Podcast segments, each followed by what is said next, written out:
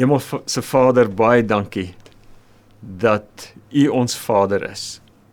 Dat U vir ons lief is, dat U vir ons goed is en dat ons in hierdie Paasfees wat agter ons lê, die donderdag, die kruisstasies, die goeie Vrydag en die wonderlike opstanding Sondag. Dankie dat ons in hierdie tyd u goedheid op 'n sigbare, tasbare manier net weer kon beleef en kon vier. En Here Jesus, ons wil u aanbid vandag as die een wat dit alles gedoen het vir ons sonder dat ons dit verdien. Dankie dat u u lewe afgelê het, dat u gesterf het sodat ons kan lewe. En dankie Vader dat U uit liefde vir Jesus uit die dood uit opgewek het sodat ons in 'n lewende verhouding met 'n lewende verlosser kan leef. Dankie Heilige Gees dat U in ons harte daarvan getuig, van die waarheid hiervan getuig. Dankie dat U met ons praat, dat U ook vandag met ons wil praat deur die Bybel. Ons stel onsself beskikbaar. Kom en praat met ons. Kom leer ons van onsself, kom leer ons van U. Kom leer ons hoe om te lewe. In Jesus se naam. Amen. Ons lees vandag die bekende gedeelte, die verhaal van Thomas en die disippels waar Jesus aan hulle verskyn het, daar in Johannes 20 en ek gaan lees vanaf vers 24. Jesus het nou al een keer aan die disippels verskyn waar hulle bymekaar was en Thomas nie by was nie. En dan lees ons nou hier in vers 24. Thomas wat ook Didimus genoem is, een van die 12, was nie by die disippels toe Jesus gekom het nie. Die ander disippels sê toe vir hom: "Ons het die Here gesien." Maar hy sê vir hulle, dis Thomas wat vir, vir hulle sê, as ek nie die merke van die spykers in sy hande sien en my vinger in die merke van die spykers steek en my hand in sy sy steek nie, sal ek nooit glo nie. 8 dae later was Jesus se disippels weer bymekaar en Thomas was by hulle. Hoewel die deure gesluit was, het Jesus gekom en tussen hulle gaan staan en gesê: "Vrede vir julle." Daarna sê hy vir, vir Thomas: "Bring jou vinger hier en kyk na my hande en bring jou hand en steek hom in my sy en moenie langer ongelowig wees nie, maar wees gelowig." En Thomas sê vir hom: "My Here en my God." Toe sê Jesus vir hom: "Glo jy nou omdat jy my sien? Gelukkig is die wat nie gesien het nie en tog glo." Gelukkig is die wat nie gesien het nie en tog glo. Thomas het 'n bynaam gehad. Nou die verskynsel van byname is vir my baie interessant. 'n Mens kry regtig oulike byname. Jy kry gepaste byname wat selfs partykeer baie snaaks is. En jy as ek nou so praat, weet ek dan dink jy aan 'n bynaam wat jy al eers gehoor het of wat jy dalk gekry het. Maar dan kry jy ook ander byname. Ek kry byname wat regtig partykeer totaal en al dom is, wat onvanpas is en wat selfs wreed is. Nou as ons na hierdie gedeelte kyk en ons kyk na Thomas, dan sien ons Thomas het 'n bynaam gehad waarvan ons in die Bybel lees. En die bynaam wat hy gehad het was Didymus.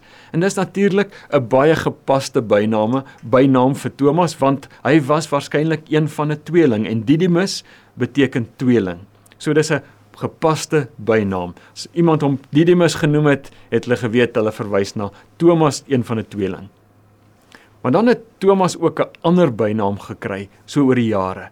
En dis 'n bynaam wat terloops nie in die Bybel staan nie, maar wat hy deur die geskiedenis gekry het. En dis die bynaam ongelowige Thomas. Die Engels is doubting Thomas. En ek gaan nou vandag vir jou probeer wys dat dat na my mening hierdie 'n onvanpaste bynaam was. Dat dit 'n onbillike bynaam was en selfs 'n wrede bynaam is. Ek dink dit sou vir Thomas regtig seer gemaak het as hy moes hoor dat hy die bynaam gekry het van ongelowige Thomas. Iemand sê nogal en dit is vir my interessant ons terwyl ons nou na hierdie verhaal van Thomas gaan kyk vandag en as ons die verhaal van Thomas kyk dan gaan ons kyk of daar beginsels is in hierdie verhaal wat ons op ons eie lewens kan toepas en wat ons kan help op ons geloofsreis agter Jesus aan. En iemand, die persoon sê hy hy dink die rede hoekom Thomas ook die bynaam tweeling gekry het is omdat ons baie keer en hy praat van homself is omdat hy sê ek lyk baie keer soos Thomas. Thomas is voel baie keer vir my soos my tweelingbroer. Ek ek dink baie keer er, herken ons iets van Thomas in onsself. Want want ons sukkel baie keer ook om te glo.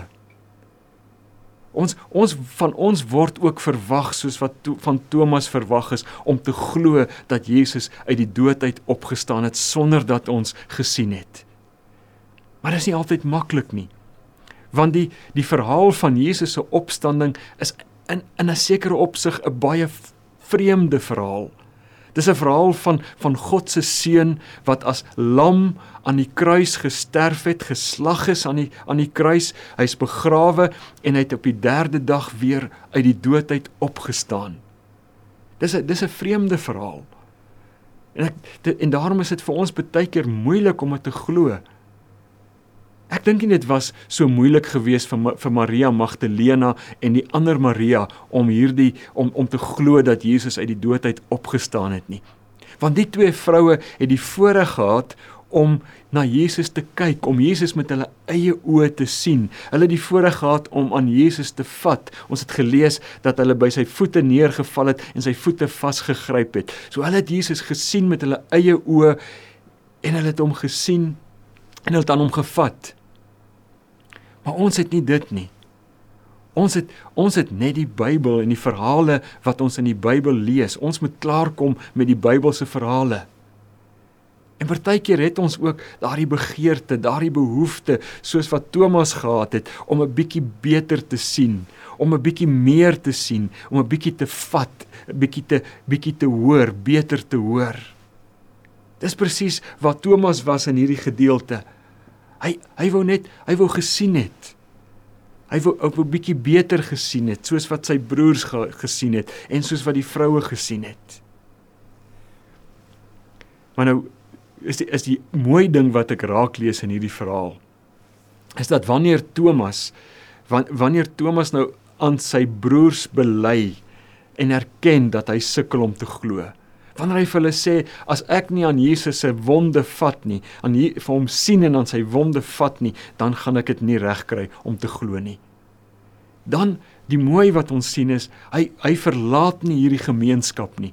Hy draai nie sy rug op hulle omdat hulle nie omdat hulle anders glo as hy nie. Hy gaan soek hulle doelbewus op. Hy gaan soek sy broers se gemeenskap, daai veilige community gaan soek hy doelbewus op. En dan is dit mooi dat hulle hom nie afskryf omdat hy nog nie is waar hulle is nie. En ons doen dit mos baie keer. As ons as ons op 'n plek in ons geestelike verhouding en ons verhouding met die Here gegroei het, dan kyk ons af op hulle wat nog nie is waar ons is nie en ons skryf hulle af, ons skuif hulle uit. Maar dis nie wat Thomas se broers doen nie. Hulle verwelkom hom in hierdie veilige geloofsgemeenskap. En dan in hierdie gemeenskap van gelowiges daag Jesus dan op. Hy skielik daar tussen hulle met die woorde vrede vir julle. Nou interessant, ek het 'n bietjie daaroor gaan dink. Jesus kon eintlik vir Thomas op enige ander plek gaan ontmoet het. Hy kon vir Thomas in 'n in 'n huis waar hy alleen was, kon hy vir Thomas gaan kry het en hy kon kwaliteit tyd met hom spandeer het. Maar Jesus kies om in die geloofsgemeenskap, daar waar Thomas saam met sy broers is, daar daag Jesus op. En nou hoor ek baie keer mense sê ek ek ek gaan nie kerk toe nie, ek woon nie eredienste by nie en ek behoort nie aan 'n selgroep nie, want ek beleef die Here en ek hoor die Here op my beste op die heel beste wanneer ek eers in die natuur by 'n waterval of by 'n stroompie sit. En dit mag waar wees. Maar ek dink Jesus met respek gesê, Jesus sou van jou verskil het. Want Jesus kies in hierdie gedeelte. Hy kon Thomas enige plek ontmoet het, maar hy kies om homself aan hom bekend te kom maak daar in die gemeenskap van die gelowiges. En daarom dink ek ek en jy sal goed doen as ons mekaar se teenwoordigheid gereeld opsoek. Sodat ons saam met mekaar die Bybelse stories, die Bybelverhale kan lees, sodat ons saam met mekaar kan luister na mekaar se stemme, sodat ons saam kan luister na God se stem. Ons het nodig om die gemeenskap van die gelowiges op te soek sodat ons saam kan bid en sodat ons saam liedere kan sing wat getuig van 'n nuwe werklikheid wat kontra hierdie werk wêreld waarin ons nou is wat stikkend en en donker en moeilik is kan sing van 'n nuwe wêreld saam met mekaar. Jesus dag op en kom maak homself aan Thomas bekend in die gemeenskap van die gelowiges. Maar dan wanneer hy daar is tussen hierdie broers van hom en waar Thomas by is, dan fokus hy vir 'n oomblik op Thomas.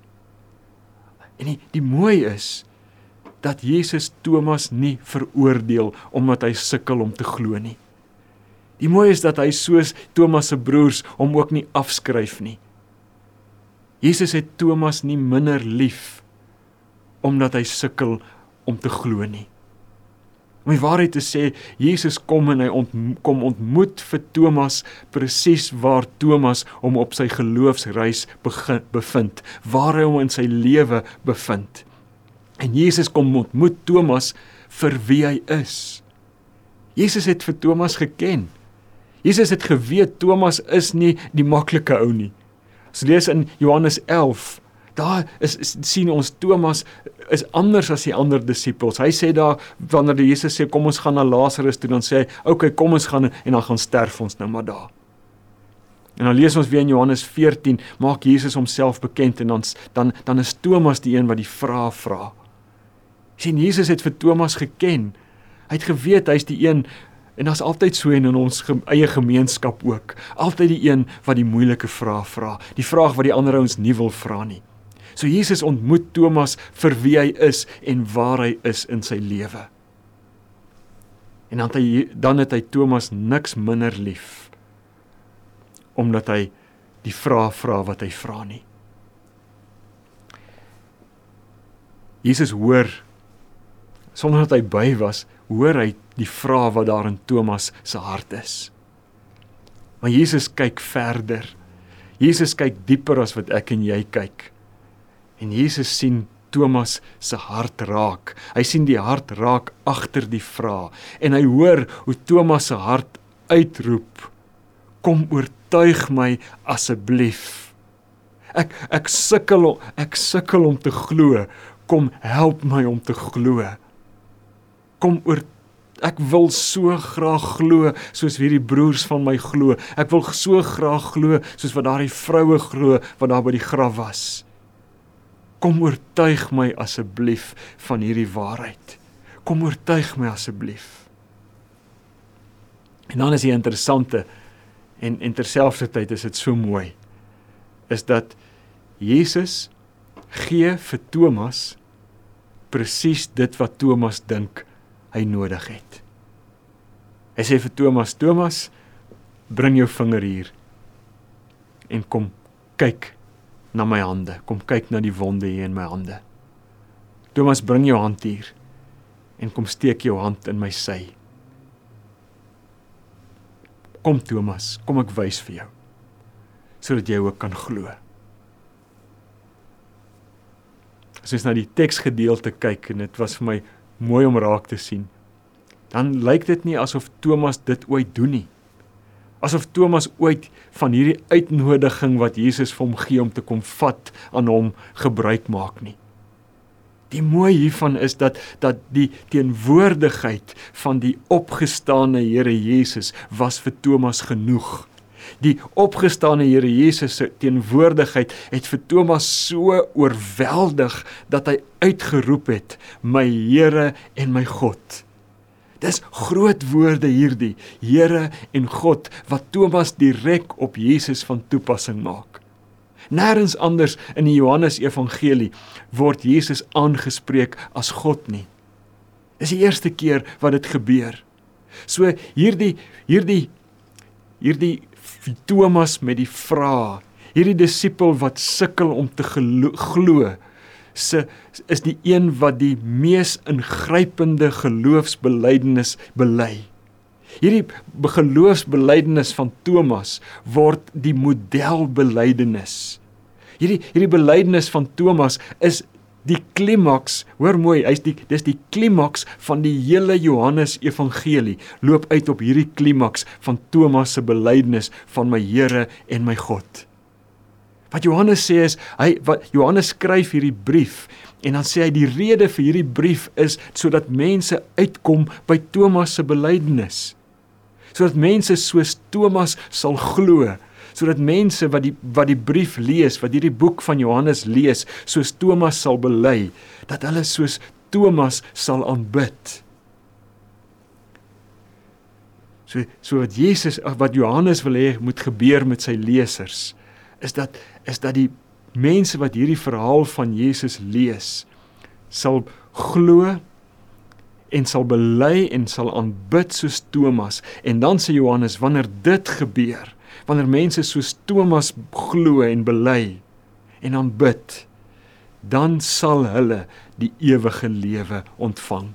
Dan sal hulle vir altyd en altyd tuis wees in die familie van God, in die huis van die Vader. So Thomas se belydenis word die standaard, word die modelbelydenis van die kerk. En dan lees ons so mooi in die geskiedenis.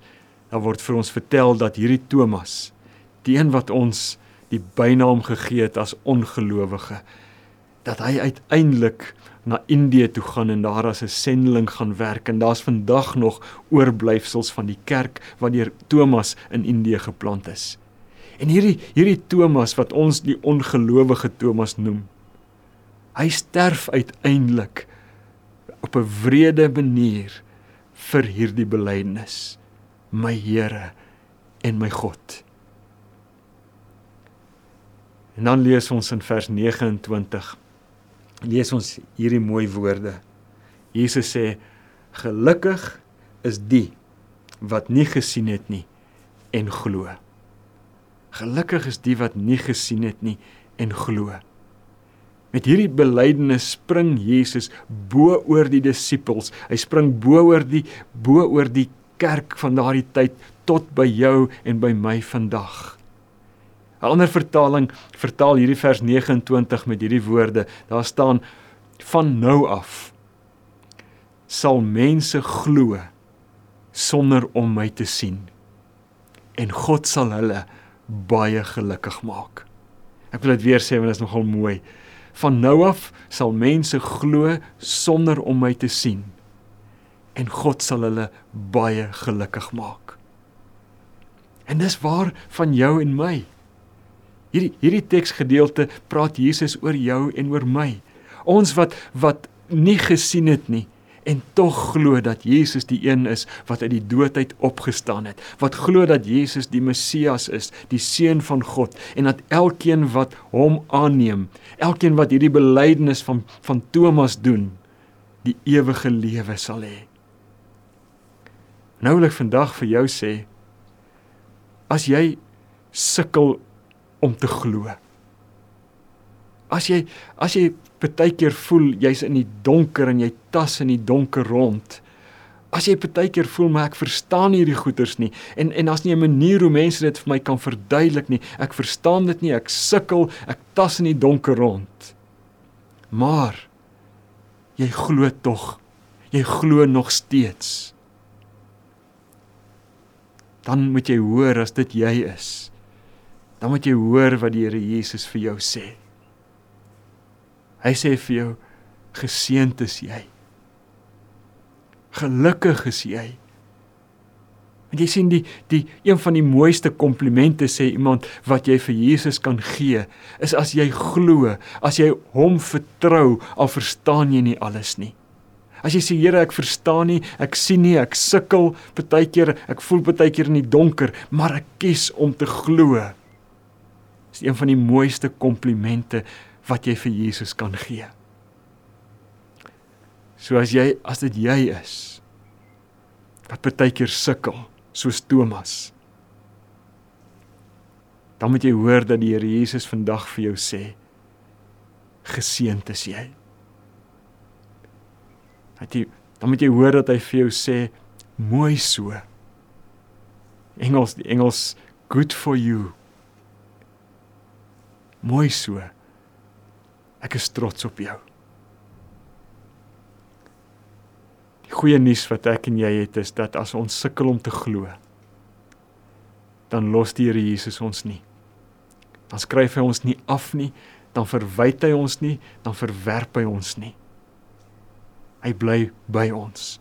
Hy doen moeite met ons.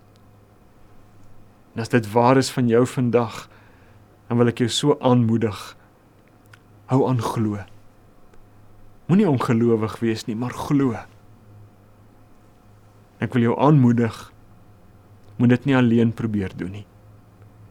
Gaan soek die geloofsgemeenskap op. Daar waar jy saam met ander kan luister, saam met ander kan ontdek, saam met ander die stories van die Bybel kan lees. Want daar waar ons as geloofsgemeenskap bymekaar is, daar waai die gees van God. En daar waai die gees so dat ons beter sal sien. Dat ons beter sal hoor. Here Jesus skryf ons nie af as ons sukkel nie. As ons sukkel en glo, dan sê hy vir ons mooi so. Ek is trots op jou. Geseënd is jy. Amen. Here Jesus, dankie vir u oneindige liefde. vir u oneindige genade. Sit in hierdie gedeelte gelees, Here Jesus, dat u nadat u aan die disippels verskyn het, u weer 'n keer gekom het net omdat Thomas u nog nie gesien het nie. Omdat Thomas meer nodig gehad het as die ander disippels. Dankie dat ons daarom kan weet, Here, wanneer ons meer nodig het, wanneer ons sukkel, dan los U ons nie. Dan kom gee U vir ons wat ons nodig het. Ons loof U dat U vir ons die Bybel gegee het. Ons loof U dat U vir ons die Heilige Gees gegee het en dat U vir ons mekaar gegee het sodat ons saam in ons geloof versterk kan word. Sodat ons saam in ons geloof opgebou kan word. Sodat ons saam met mekaar U beter kan hoor en U beter kan sien. Ons bely daarom Here en al sukkel ons om dit te doen partykeer. Wil ons dit bely en ons wil dit aanhou bely. U Here Jesus wat opgestaan het uit die dood uit. U is ons Here en U is ons God. En ons wil soos die vroue wil ons en soos die disippels wil ons voor U voete neerval en U aanbid. U is die enigste lewende verlosser. En dankie dat U saam met ons stap. Ons bid dit in U naam, Here Jesus. Amen.